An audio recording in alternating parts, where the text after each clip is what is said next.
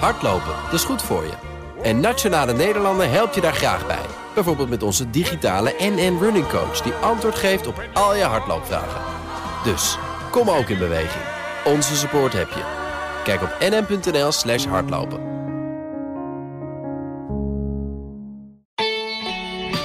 BNR Nieuwsradio.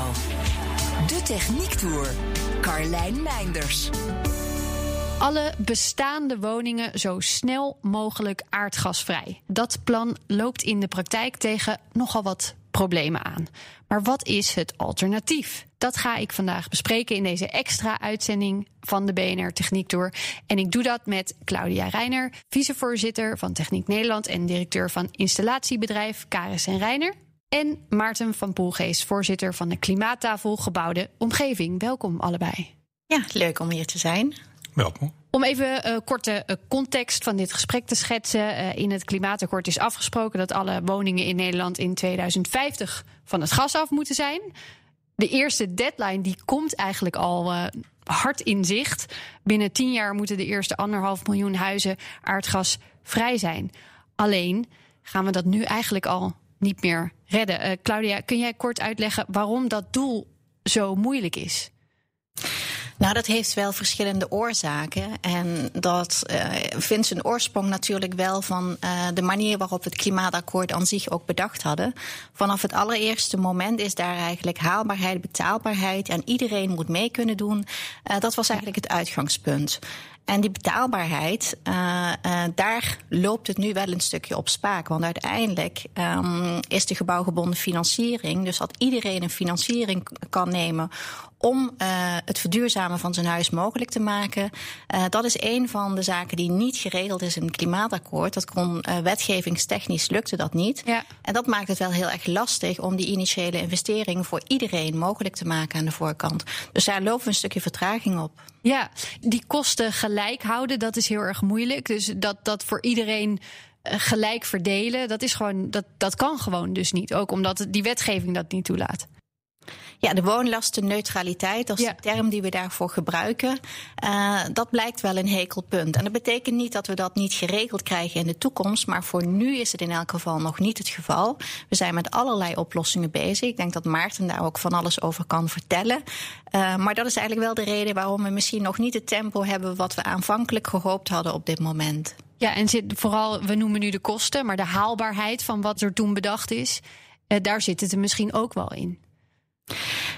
Nou, we hebben, we hebben natuurlijk het plan dat, dat alle wijken één voor één stap, voor, of ja, in elk geval gefaseerd van het aardgas afgaan. En dat betekent dat daar wel natuurlijk nog een aantal zaken ook voor geregeld moeten worden. Op dit moment zijn regio's bezig met uh, de regionale energiestrategieën en hun warmtetransitieplannen. En op basis daarvan worden keuzes gemaakt wat de toekomstige energiedrager in een bepaalde regio gaat worden. Op het moment dat je dat weet, dan weet je ook dat je tegen de laagst maatschappelijke kosten in die specifieke regio de verduurzaming gaat opstarten. Ja. Nou, ook dat proces loopt nu nog volop. Ja, en, en zeg maar de, de problemen die we nu zien, dus de, bijvoorbeeld die kosten. Hadden we dat op de een of andere manier kunnen zien aankomen? Toen dat plan op tafel kwam, waren er toen al signalen dat dit mogelijk een probleem zou worden? Ja, die waren er zeker. En er heeft een hele grote rekensom aan de grondslag gelegen. Ja. En in die rekensom doe je natuurlijk allerlei aannames. En, en, op basis van die aannames zat die anderhalf miljoen woningen echt wel een beetje tegen de bovengrens aan. Dat werd toen al wel gedacht. Ja, dat, dat kan je gewoon terugzien in allerlei berekeningen en grafiekjes. Ja. Dus er hoeft maar een beetje tegenwind te komen. En uh, het, zit, het zit boven het, wat dan in het jargon heet, doel bereikt. Dus je kan het hè, dan niet meer redden.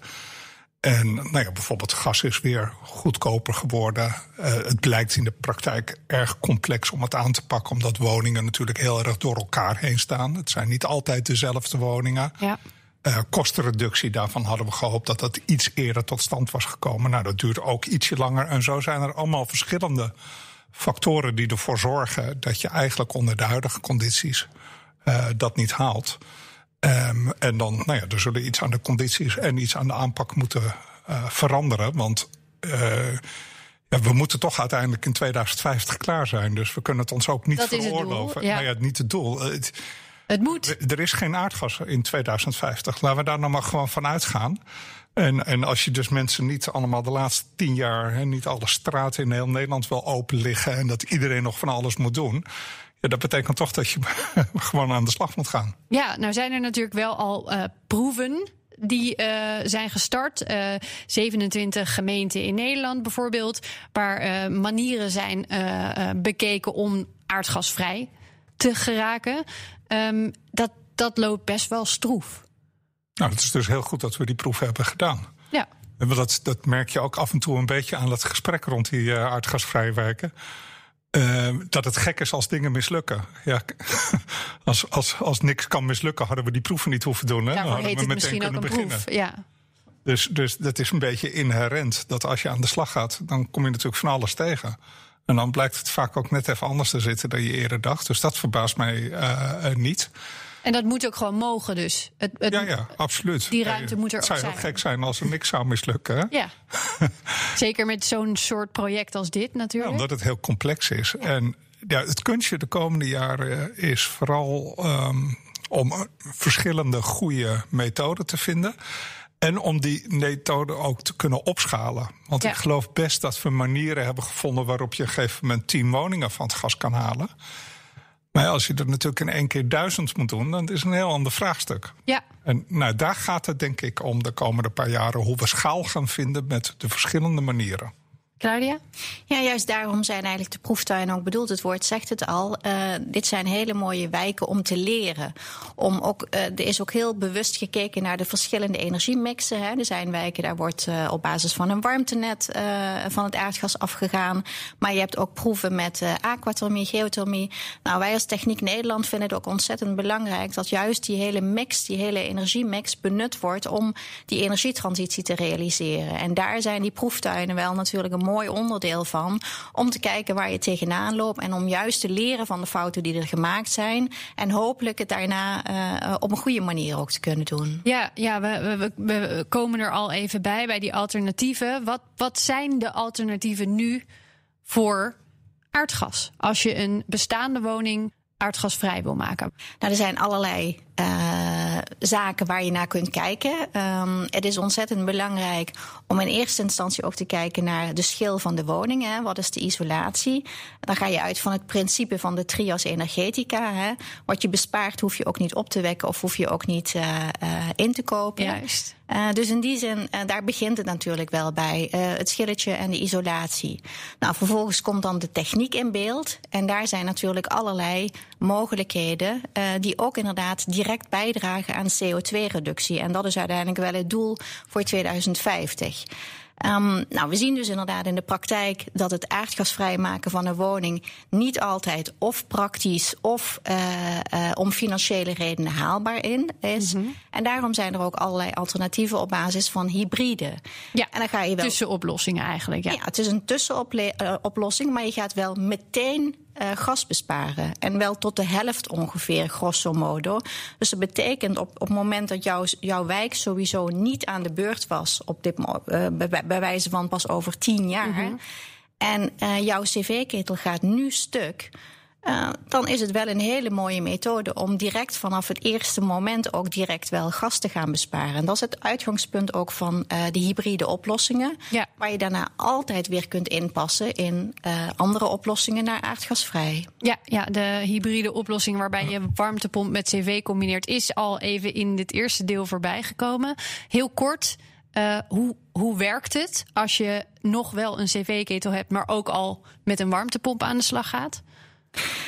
Nou, in principe kan een uh, hybride warmtepomp ingepast worden op elke willekeurige cv-ketel. Die er al staat, die ook er al als die staat. blijft. Ja, ja, al staat daar een, een, toestel van bijvoorbeeld acht jaar, wat een levensduur van gemiddeld 15 jaar heeft, die kan nog een aantal jaren mee, kun je daarnaast een hybride warmtepomp ze uh, zetten. Nou, ik gaf al aan, je gaat dan vanaf het eerste moment energie besparen. En de hybride warmtepomp werkt eigenlijk als het principe van een omgedraaide koelkast. En hij onttrekt dus uh, warmte aan de buitenlucht om te verwarmen. Dat betekent dat die cv-ketel vanaf het eerste moment ontlast wordt. Ja, nou, en je, je zei al even de helft, misschien wel meer dan de helft, zou je op deze manier kunnen besparen.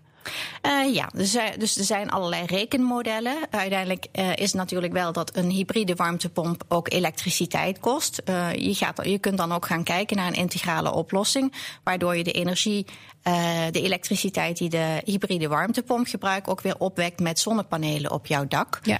Uh, maar de gasbesparing is grosso modo, uh, kan die oplopen tot de helft ongeveer. Ja, ja. Uh, Maarten, je noemde al even, niet elk huis is hetzelfde dit soort oplossingen, werkt dit overal? Nee, en dit is ook niet uh, uiteindelijk een oplossing. Hè? Dit is natuurlijk iets wat je onderweg kan doen en wat voor een deel van de woningen heel verstandig is. Om precies zoals Claudia zegt, uh, om al eerder CO2 te besparen. Uh, maar uiteindelijk zal je toch op een alternatieve warmtebron moeten overschakelen. En uiteindelijk is daar, zijn daar weer niet zo heel veel smaken in. Hè? Er is aardwarmte, ja. er zit warmte in water. En er zit warmte met, met, met wind en, uh, en zon, wat via uh, de elektriciteit je huis binnenkomt. En dat zijn de smaken die er zijn.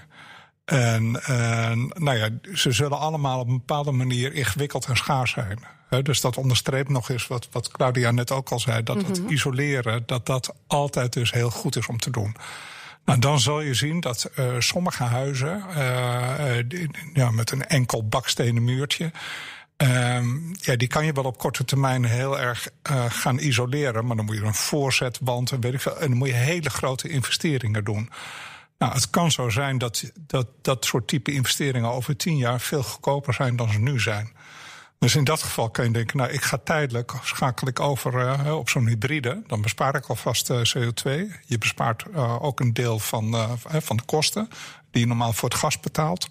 Um, en tegen de tijd dat dat isoleren wat meer standaard is geworden en op een grotere schaal gebeurt, dan kan ik mijn huis gaan, uh, gaan isoleren. Om uiteindelijk natuurlijk wel over te schakelen op een duurzame bron. Ja. Want dat gas dat verdwijnt in 2050. Dus daarom is het voor verschillende huizen wel of niet een oplossing. Ja. Als je in een huis woont waarvan het helder is dat over 18 jaar een warmtenet wordt aangelegd ja, waarschijnlijk in die periode schrijf je zo'n warmtepomp net niet af. Dan kan je maar beter even wachten op het warmtenet. Ja, alleen weten we dat vaak niet, hè? Nee, dat is natuurlijk het ingewikkelde. Dat is nou, dit is nou precies de complexiteit van, eh, van deze energietransitie. Kijk, voor een deel van de woningvoorraad hebben we wel degelijk een beeld uh, waar je naartoe beweegt. Maar voor een deel ook niet. En, en dat is ook omdat het afhankelijk is ook, ook weer van de innovatie. Er zijn nu dingen mogelijk die misschien 15 jaar geleden niet mogelijk waren. Zeker, ja. En die techniek die staat niet stil. Dus over 10 of 15 jaar zijn er ook weer dingen mogelijk die nu niet mogelijk zijn. Um, dus het is ook een beetje sturen in onzekerheid. Het is, het is rijden door de mist. Zo wordt het ook wel eens ja. genoemd. Uh, maar goed, voor een, ik denk dat zeker toch voor de helft van de woningvoorraad het eindbeeld wel helder is. Dus ja, denk je, voor zoveel? Oh ja, dat, dat is behoorlijk. Ja, nee, en daar kan je dus ook stappen in zetten. Dus dat is ook een beetje mijn pleidooi. Begin nou uh, uh, daar waar je kan beginnen. Dat is eigenlijk op best veel plekken. Ja. En ja, de rest, hè, dat zal de komende 10, 15 jaar helderder worden over wat je daar moet doen. Maar laat je daar ook weer niet te veel door afleiden. Nee, nee, Claudia, je hebt, je hebt zelf natuurlijk een installatiebedrijf. Um, wat merk je uh, daarbinnen? Is er veel vraag naar die tussenoplossingen? Zijn mensen heel afwachtend daarin? Nou, Maarten zegt iets heel belangrijks. Uh, de consument heeft behoefte aan duidelijkheid en ja. helderheid. En dat is gewoon heel erg belangrijk. En die kunnen we op dit moment nog niet altijd geven. We, we gaven, ik gaf net aan, de, die warmtetransitieplannen die zullen de komende tijd zullen die meer hun beslag gaan krijgen. En op basis daarvan kun je inderdaad wel stellen van nou komt er hier in de toekomst een warmtenet in mijn omgeving. Maar wat heel erg belangrijk is, um, cv-ketels hebben een vervangingsmarkt van uh, in 2019 waren dat uh, 450.000 cv-ketels. Ja. Op het moment dat die ketel stuk gaat, moet je een soort van handelingsperspectief kunnen bieden aan uh, die woningbezitter of de huurder, noem maar op. En dat is gewoon, uh, dat gaat over grote aantallen. En dat is wat we juist willen bereiken, hè, die schaal en dat volume. En op het moment dat die cv-ketel kapot gaat en jij weet, nou, mijn wijk komt voorlopig niet aan de beurt, kun je inderdaad die overweging maken om een tussenoplossing uh, te plaatsen. En dan zou hybride heel goed ingepast kunnen worden.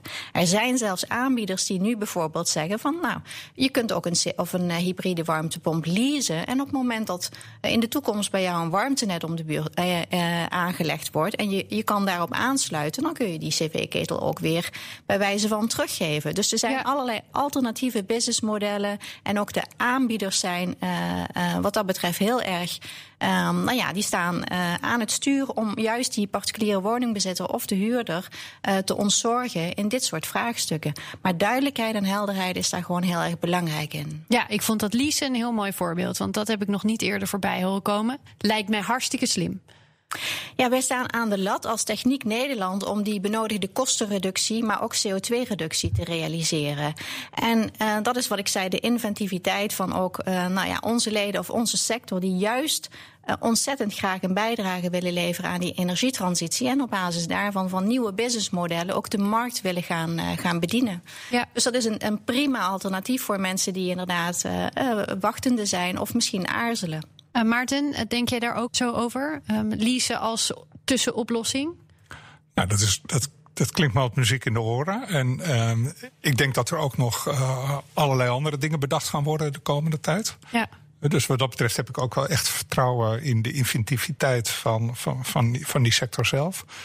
En, en de kunst zal zijn om uh, met elkaar verschillende sporen tegelijkertijd te bewandelen. Want wat ik soms nu merk in discussies is dat het ook nog wel eens kan ontaarden in een soort uh, gesprek tussen gelovigen. die, die zeggen ja, nee, A moet het zijn en het kan alleen maar A zijn. En een ander zegt nee, B moet het zijn en het kan alleen maar B zijn. Ja. Terwijl ik denk dus in de praktijk dat je A, B, C en D aan het doen bent. En dat, dat gaat zowel om uh, uh, de alternatieven nou, maar ook, ook de notie, er zullen ook wijken wel degelijk voor 2030 van het gas gehaald moeten worden. Ja. Daar moeten we zeker niet mee stoppen. Sterker nog, uiteindelijk he, moeten natuurlijk al die woningen van het gas af. Ja, het is natuurlijk heel raar om te denken dat we op 1 januari 2050. Ja. ja. dan draaien we een knop om en dan, dan is het gefixt. Dus zo zal het niet gaan. Nee. Uh, dus dus nou ja, de, de, complexiteit van de transitie is dat je eigenlijk voor verschillende mensen die in verschillende woningen wonen, verschillende boodschappen hebt. Ja. En dat kan soms verwarrend overkomen. Nou, dat kan ik me goed voorstellen, inderdaad. Dat dat best wel verwarrend is. En ook um, heel moeilijk te sturen. Want op het moment dat je wel zou zeggen, hoe onrealistisch dat nou is of niet uh, iedereen in Amsterdam gaat op deze datum gaan we dit installeren en de volgende dag eh, heeft iedereen dezelfde installatie. Uh, dat is de mensen duidelijk. Ja. En, en goed te sturen vanuit ja. de overheid. Maar stel dat iedereen overal wat anders gaat doen. En dat is wel de tragiek van, uh, van deze transitie. Dat, uh, dat in die zin de woningvoorraad, maar ook grote utiliteitsgebouwen als kantoren. Uh, maatschappelijke voorzieningen, sport, uh, Het is allemaal verschillend. Hè? Ga maar in je eigen huis kijken. Is misschien uit hetzelfde bouwjaar als het huis van de buren. Maar jouw huis ziet er toch heel anders uit. Ja. Ik denk dat iedereen dat begrijpt. Dus nou ja, dit, dit, dit is gewoon hoe het is. En, en, en uh, daarom is het heel belangrijk om ja, verschillende type oplossingen. Dat, dat, dat, dat ook de creativiteit van die sector zelf wordt aangesproken gesproken om met die verschillende type oplossingen te komen. Ja, maar hoe stuur je dat nog? Nou ja, misschien moet je ook minder denken dat dat planmatig in een soort vijfjarenplan allemaal uitgedokterd van tevoren kan. Ik denk dat dat niet de goede sturingsfilosofie is. Het is toch veel meer hè, nou ja, dat je met z'n allen door de bergen loopt. En, en, en, en elke keer weer even naar die plattegrond kijkt. om met elkaar te bespreken waar zijn we nou? Ja. En wat zou nu de volgende stap moeten zijn? Dus dat is, dat is, ja, dat is, dat is veel meer uh, ja, een beetje ad hoc kijken hoe het mhm. gaat, improviseren. Dat zijn veel belangrijkere noties als het over sturing gaat. Om te denken, ik heb een plan en we rollen het uit. Ja. Dat, dat, dat gebeurt niet op die manier. En als de doelen die nu zijn gesteld niet haalbaar zijn... wat zou dan bijvoorbeeld wel een goed eerstvolgend doel kunnen zijn?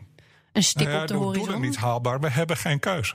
Het gas is er gewoon niet in 2050. Dus het gaat erom om op een slimme manier uiteindelijk eh, er naartoe te werken dat inderdaad 2050 er uh, gewoon geen gas meer, of tenminste geen aardgas meer in de huizen wordt gestookt. Ja.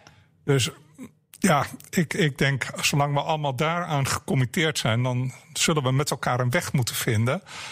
Um, en het helpt natuurlijk om tussendoelen te formuleren. Precies. Maar dat hoeven niet alleen CO2-achtige doelen te zijn. Hè. We kunnen natuurlijk ook op een gegeven moment zeggen: nou, bepaalde type aanpakken. Over drie of over vier jaar moeten we gewoon vier werkende aanpakken hebben die elk voor zich een beetje massa kunnen maken. Misschien is dat ook een goed doel. Ja, bijvoorbeeld een, een isolatiedoel.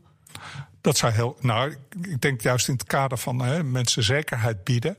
Als je iets kan vertellen over wat is de norm waar jouw woning uiteindelijk naartoe moet. Niet dat je, dat, dat je morgen klaar moet zijn, maar dat je toch een perspectief hebt over. Oh, zover moet ik gaan met isolatie om, he, om toekomstvoorbereid te zijn. Dan zou dat mensen heel erg helpen. Want als je dan de zaak een keer gaat verbouwen, dan denk je, nou laat ik er toch maar gewoon die uh, vloerverwarming inleggen. Want dat moet ik een keertje doen. Ja, nu gaat alles op de schop. Ik wilde toch al een keer dat pakket weghalen. Nou, dan doe je dat, dan doe je dat nu ook. En dan kan je dus ook als woningeigenaar veel meer in stappen. En dan kun je zelf ook een beetje de regie daarop voeren. Om uiteindelijk uit te komen waar je moet zijn. Ja, het lijkt mij heel goed als er inderdaad een punt is waarop het gewoon gedaan moet zijn. En daarvoor nog genoeg tijd is voor iedereen om dat een beetje in eigen tempo te kunnen doen. Merk je dat ook?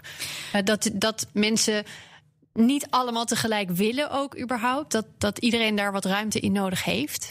Nou, enige spreiding is zeer gezond, denk ik ook. Als je naar de energietransitie kijkt, al, al, al, al pak je het alleen maar over uh, nou ja, de capaciteiten die je nodig hebt om die energietransitie te realiseren. Ja, de dus technische mensen, eh, die moeten er ook zijn. Ja. ja. Maar ik ben het wel volledig eens met Maarten dat het heel belangrijk is om die stip op de horizon niet uit het oog te verliezen. Dat moet gewoon dat doel, dat moet staan. Uh, van de andere kant um, moeten we wel op zoek naar daar waar je ook massa en volume kunt maken.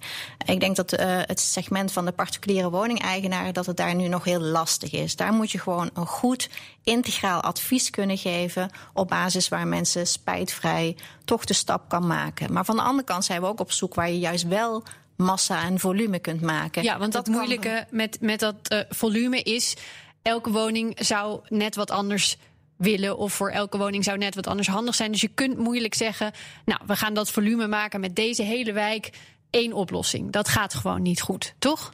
Ja, maar je kunt ook bijvoorbeeld naar andere. Andere zijn uh, meer wegen die leiden naar Rome. Corporatiebezit bijvoorbeeld. Dat is makkelijker, omdat je daar gewoon mindere aanspreekpunten hebt. En je kunt daar grotere mandjes maken van woningtypologieën. waar bijvoorbeeld wel een bepaalde maatregel op toegepast kan worden.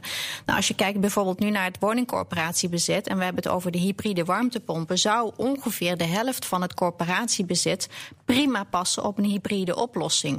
Op het moment dat je inderdaad samen met die overheid gaat kijken hoe je dat ook mogelijk kunt gaan maken, dat zou een van de sporen kunnen zijn die je neer kunt zetten, dan zou dat bijvoorbeeld door middel van, nou ja, dan komen we mee, we, noemen, we nemen hem toch even in de mond, de verhuurdersheffing, zou mhm. misschien een prima uitruil kunnen zijn om juist die verduurzaming uh, uh, mogelijk te kunnen maken met grote aantallen en volumes. Ja. Nou, dat is een spoor op basis waarvan je dan ook echt gewoon uh, die schaal gaat maken. En daar ga je ook leren. En dat is ook wat we afgesproken hebben met elkaar. Je wil ook kostprijsreductie gaan realiseren. Dat kun je dus alleen maar door grotere uh, plukken woningen te kunnen doen. En dan zou corporatiebezit zou daar heel erg uh, uh, geschikt voor zijn. het lastige is natuurlijk op individueel niveau dat vaak wat langer wachten verstandig is omdat er dan wat meer duidelijkheid ontstaat. Omdat kosten misschien ook dalen. Dat je niet uh, een jaar voordat dat warmtenet er is, je warmtepomp uh, vervangt? Ja, maar ook, ook, gewoon als je wil isoleren. Dat je denkt, nou ja, misschien is het over tien jaar allemaal wat goedkoper. Hè? Mm -hmm. Dus voordat je het weet zijn er allemaal argumenten waarom iedereen op individueel niveau gaat zitten wachten. En wat op zichzelf ook begrijpbaar is. Terwijl als je meer op systeemniveau kijkt, dan wil je natuurlijk dat er wel in het begin bewogen wordt om bijvoorbeeld kost, kostenreductie tot voor elkaar te krijgen. Dus er moeten mensen zijn die eerder in beweging komen. Terwijl dat misschien voor hun individueel niet zo heel gunstig is. Ja. Dus dit, dit is een van die dilemma's in die transitie. Hè, waardoor je kan zeggen, nou, degene die snel in beweging komen, die moeten we ook ontzien. He, dan moeten we, die moeten we wat geld teruggeven. Koplopers helpen, die, uh, enzovoort, ja. enzovoort. Want anders krijgen we te weinig beweging aan het begin. Ja. En ik heb nog wel eens het idee dat bij het sluiten van dat klimaatakkoord, zeg maar, dit effect over dat je, ja, dat je de vroege bewegers zeg maar, ook iets extra's geeft. Mhm. Dat dat dat dat nog niet helemaal uh, ja, is ingeprijsd. Of dat daar niet voldoende geld voor uh, opzij is gezet. Ja. Waardoor het nu ook wat langzamer gaat.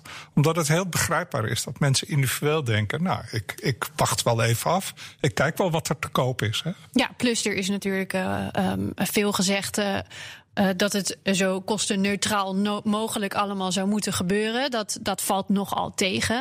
Nou, dat ehm, hangt er een beetje vanaf waar je woont. Ook dat is weer ingewikkeld. Ja. Je kan wonen op een plek, plek dat je een enorme pech hebt. Er is eigenlijk geen alternatieve duurzame bron direct in de buurt. Ja. En je woont in een huis wat, wat slecht geïsoleerd is. Hè? En je zou ook nog snel uh, uh, in beweging moeten komen. Nou, dan ben je echt een beetje de pineut, zullen we maar zeggen. Ja. Maar je kan ook op een hele gunstige plek wonen naast een warmtenet wat er toch al lag. Waardoor er nog een klein buisje naar je huis moet worden getrokken. En je woont al in een huis, nou ja, ergens in de jaren negentig gebouwd. Waardoor nog een beetje isoleren en je bent klaar. Mm En omdat deze verschillen gewoon in de praktijk voorkomen, voelt dat natuurlijk als heel unfair. Als je op een plek woont waar je pech hebt, dat jij voor de volledige kosten opdraait. Maar ja, zie maar eens in beleidsmaatregelen om dat recht te breien. Ja. Dat is heel erg moeilijk. Dus nou ja, dit, dit is ook wel waar, eh, de opgave waar we met z'n allen voor staan. Waardoor ik denk uh, dat het ook heel erg maatwerk zal zijn en zal blijven. Betekent dat ook kijken naar iets als draagkracht, bijvoorbeeld? Absoluut, dat denk ik zeker. En ook. Ik denk zelfs dat laatste setje in de praktijk, hè, om te weten of iemand nou veel pech heeft of niet. Ja, misschien moet de gemeente of zo een potje hebben. Hè, want dat is ook heel moeilijk om dat in subsidieregelingen gevangen te krijgen. Dat is natuurlijk ook een beetje wat bij die projecten aardgasvrije wijken gebeurt. Daar zit collectief geld in om toch een zetje te kunnen geven om van de kant te komen. Nou, misschien moet een dergelijke maatregel, moet dat, moet, hebben we dat wel de hele tijd nodig. Om, om, omdat, omdat het heel moeilijk is om op systeemniveau alles te kunnen regelen. Ja, maar we blijven het verhaal ook nog te vaak op, in een format verkopen dat het te duur is. Um, als je nu eigenlijk kijkt naar mensen die hun geld op de bank hebben staan, je moet ongeveer gaan betalen voor je geld op de bank. Uh, terwijl als je uh, de business case goed kan uitleggen en juist in termen van de levensduur van de oplossing die je kiest, en wij uh, noemen dat in onze sector de TCO, de Total Cost of Ownership. Mm -hmm. Als je op basis daarvan gaat kijken, dan, word je, dan ga je vanaf het eerste moment energie besparen. En over de levensduur van, jou, van, van, van de oplossing. je huis wordt beter verkoopbaar, beter verhuurbaar. Dus er zitten heel veel positieve incentives in. En het kan juist al op heel veel plekken kosteneffectief als je die initiële investering aan de voorkant kan doen. Ja, want nou, dat, niet... dat lijkt me zo moeilijk. Want er zijn natuurlijk mensen die kunnen zelfs de kleinste stapjes niet betalen. Die hebben een probleem als hun koelkast kapot gaat. Ja, en daar moeten we ook juist oplossingen voor komen. Nou, dat is in de vorm van het warmtefonds. Eh, dus daar wordt ook over nagedacht hoe je mensen kunt faciliteren die juist niet uh, de, juiste kleinere portemonnees, uh, als die gedwongen worden om bijvoorbeeld op een warmtenet aan te sluiten, daar die moet je faciliteren. Dat vind ik ongelooflijk belangrijk. En ook dat is vanaf het eerste uur in het klimaatakkoord aan de orde geweest. Laten we ervoor zorgen dat mensen die zelf niet mee kunnen, dat die geholpen worden. Nou, dat is in elk geval het geval. Maar voor het segment aan mensen die wel gewoon bij wijze van uh, um, het geld op de bank hebben kunnen staan en die ook juist iets willen. Daar moet je inderdaad op een hele andere manier die business case vertellen. En kosteneffectief is gewoon ontzettend veel mogelijk. Maar dan moet je niet de denken in termen van terugverdientijd of noem maar op. Maar gewoon in termen van de levensduur van de, uh, de oplossing die jou kiest. En dan komt er opeens een heel positief verhaal uit. Dat geldt voor huizen, maar ook voor heel veel gebouwen in Nederland. En volgens mij moeten we dat format beter zien om te draaien. Om dat aantrekkelijke verhaal neer te zetten. Dat heel veel CO2 al gereduceerd kan worden op een kosteneffectieve manier. Ja, maar hoe krijg je dat naar, die, naar de woningbezitters? Want er is best wel veel uh, twijfel en onvrede op het moment. Uh, hoe, hoe krijg je iedereen weer mee? Hoe krijg nou ja, je dit? Ik, dit is een hele positieve insteek. Ja, met het idee dat er zijn al heel veel mensen in de praktijk op dit moment die dingen doen. Dus we zijn natuurlijk ook altijd geneigd om in te zoomen op die plek dat het moeilijker gaat.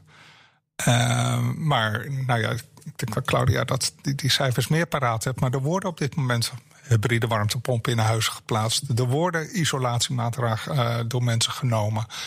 Uh, dus, dus eigenlijk gebeurt er eigenlijk best veel autonoom, zonder dat we dat met elkaar zien. Alleen het moet allemaal wat sneller. Dus dat, dat, dat, nou ja, dat is een beetje hoe ik het zie. En met, zo'n, uh, met, met, wat meer die tussenstapjes. Dat, Ik kan me voorstellen dat mensen daarvan dan denken. Vertraagt dat niet juist? Omdat je. Uh, Laat ik één voorbeeld geven. Uh, een wijk in Assen, waarvan eigenlijk helder is dat hij uiteindelijk op een warmtenet moet komen, laag temperatuur. Maar als je dat morgen zou doen, dan zouden mensen in één keer hun huis helemaal moeten isoleren. Terwijl voordat je zo'n warmtenet hebt aangelegd, ben je wel even bezig. Ja. Dus het een goede oplossing is om daar eerst een hogere temperatuurswarmtenet neer te leggen. Nou, daar gaat allemaal restwarmte in van, ik denk nog een gascentrale of iets anders. Um, maar dan is die voorziening er. Dan kan je geleidelijk aan, kan die temperatuur in dat warmtenet naar beneden. Kunnen mensen steeds isolerende maatregelen nemen. En dan over twintig jaar ben je klaar. Nou, dat lukt alleen als dus de overheid in dit geval aan de voorkant de investering wil doen en kan doen in zo'n warmtenet. Want dat heb je wel nodig. Anders kunnen mensen individueel deze beweging niet maken. Dus het zit vol met uh, uh, dit soort vraagstukken waarin het, denk ik, heel verstandig is om ook vanuit een overheid af en toe zelf eerst de investering te doen.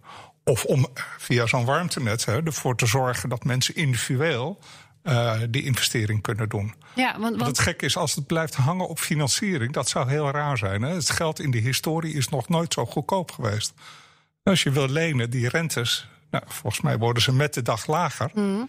Dus je zou denken, financiering kan, kan het probleem niet zijn. Dat zou wel heel raar zijn als het daarop bleef hangen. Ja, is nu wel een groot onderdeel van het probleem, volgens mij. Ja, maar daarom denk ik ook oplosbaar. Ja. Omdat dat, dat op het moment dat inderdaad die business case, de berekening die eronder ligt, op langere termijn als dat uitgaat, met misschien een klein beetje subsidie erbij, ja, dan, dan moet het financierbaar zijn.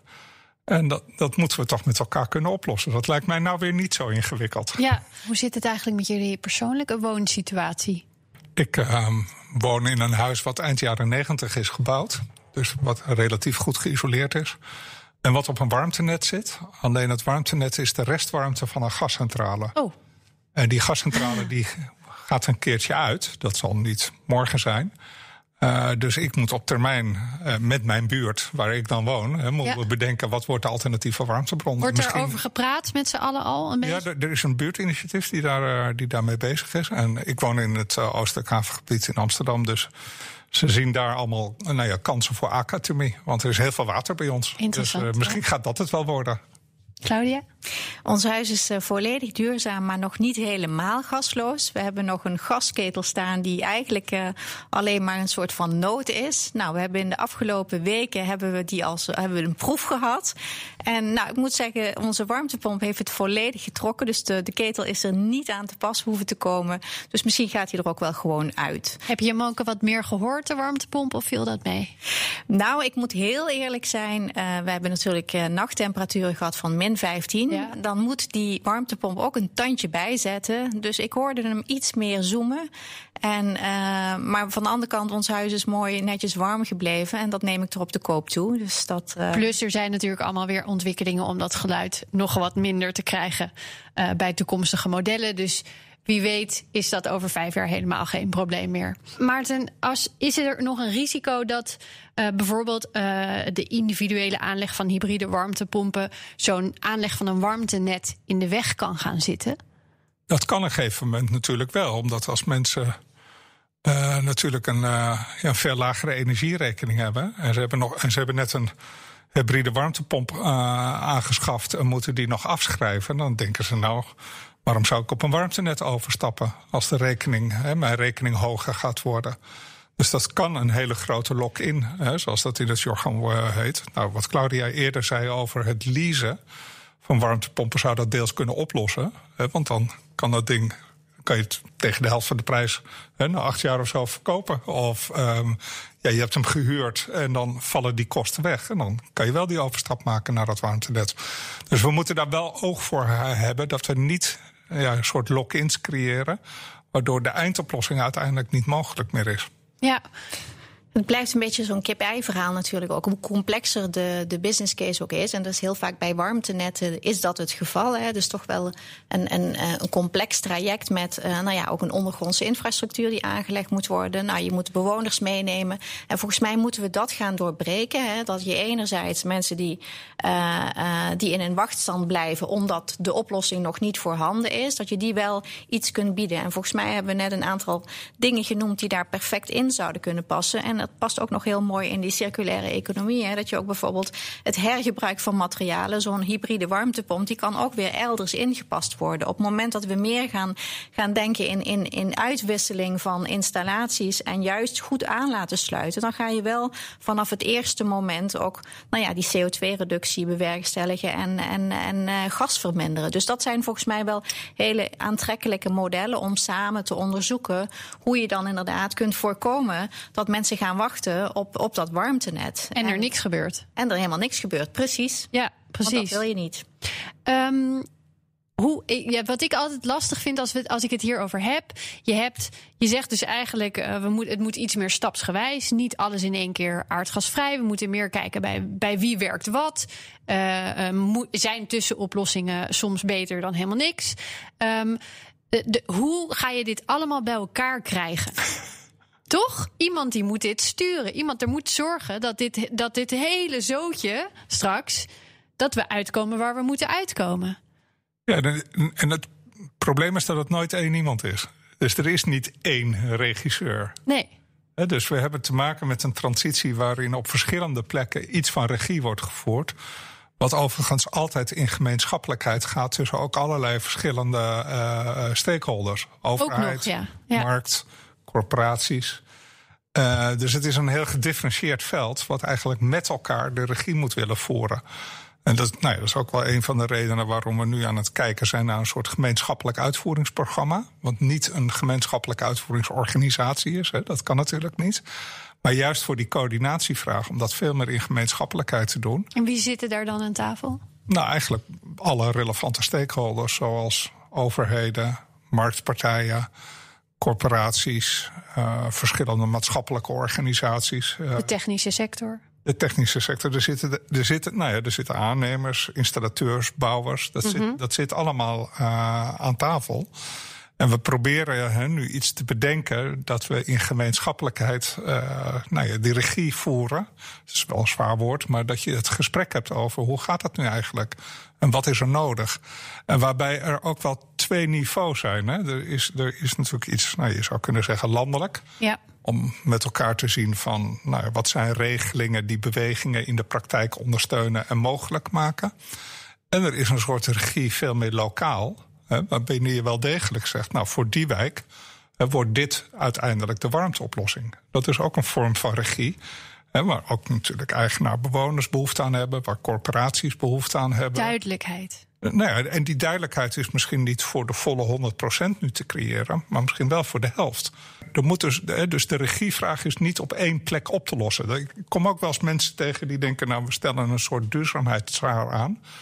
En dan komt alles goed. Eén iemand die stuurt. Eén iemand die dat allemaal regelt. Ja, ja, ja. Het zijn dan altijd mannen, hè? het zijn dan nooit vrouwen. Oh, ja. Dat doen. ja, dat wordt dan gezegd, hè? een sterke man. Nee, dat geloof ik absoluut niet. Dat doe je onrecht aan, aan hoe complex eigenlijk deze transitie in elkaar zit. Ja. Um, maar het is wel, ik denk wel heel belangrijk om ja, met elkaar te bouwen aan zo'n uitvoeringsorganisatie. waarin je iets van die regie en sturing met elkaar organiseert. Nou zitten de verkiezingen er natuurlijk aan te komen. Daar, daar kijken jullie ook uh, uh, naar, naar uit, misschien wel. Wat wil je daarin terugzien? Wat, wat hoop je uh, dat, er, dat er wordt opgepikt in Den Haag van wat er nu speelt en wat er moet gebeuren? Nou, voor ons als uitvoerende sector pleiten wij maar voor één ding: consistentie. Het is zo ontzettend belangrijk dat die groene agenda uh, op een, uh, dat, dat daar continuïteit in zit. En dat er ook politieke continuïteit in zit. Nou, uiteindelijk hebben we natuurlijk uh, de Klimaatwet. we hebben ons gecommitteerd aan Parijs. We hebben het Klimaatakkoord. Nou, er is nog een EU-agenda waar eigenlijk het ambitieniveau nog een stukje opgeschroefd zit. Dus er is geen weg meer terug. Maar je hebt wel de politiek ook keihard nodig om die agenda en die, die grote ambities die daarachter zitten, om die te realiseren. Ja. En we hebben het net gehad over een aantal zaken. We, nou, een vorm van regie is belangrijk, ook een, een, stuk centrale regie. Je moet ook kijken op het moment dat je zegt, je gaat een aantal grootschaligere programma's neerzetten.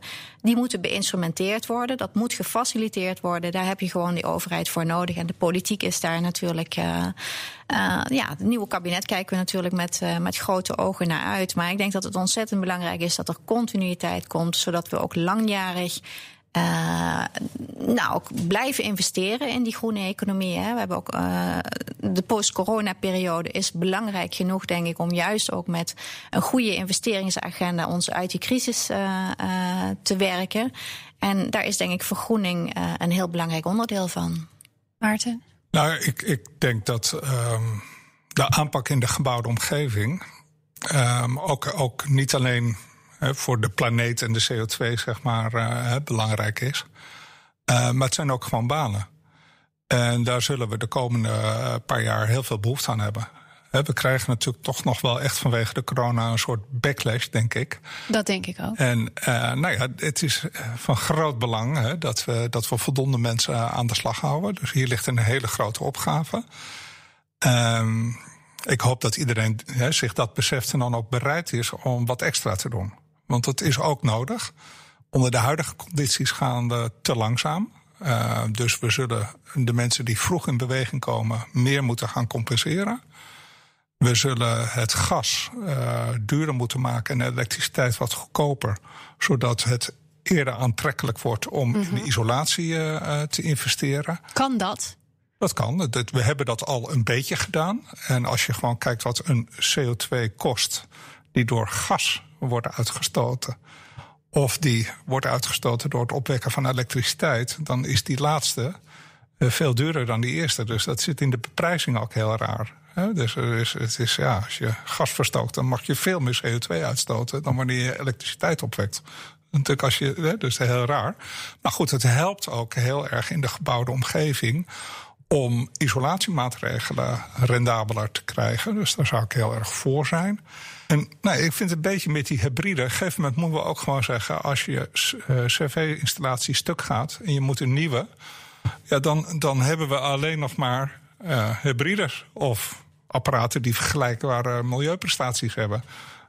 Dus, dus nou ja, dat, daar zou ik ook voor zijn. Om, om, om dat soort kleine, wat meer verplichtende maatregelen te hebben.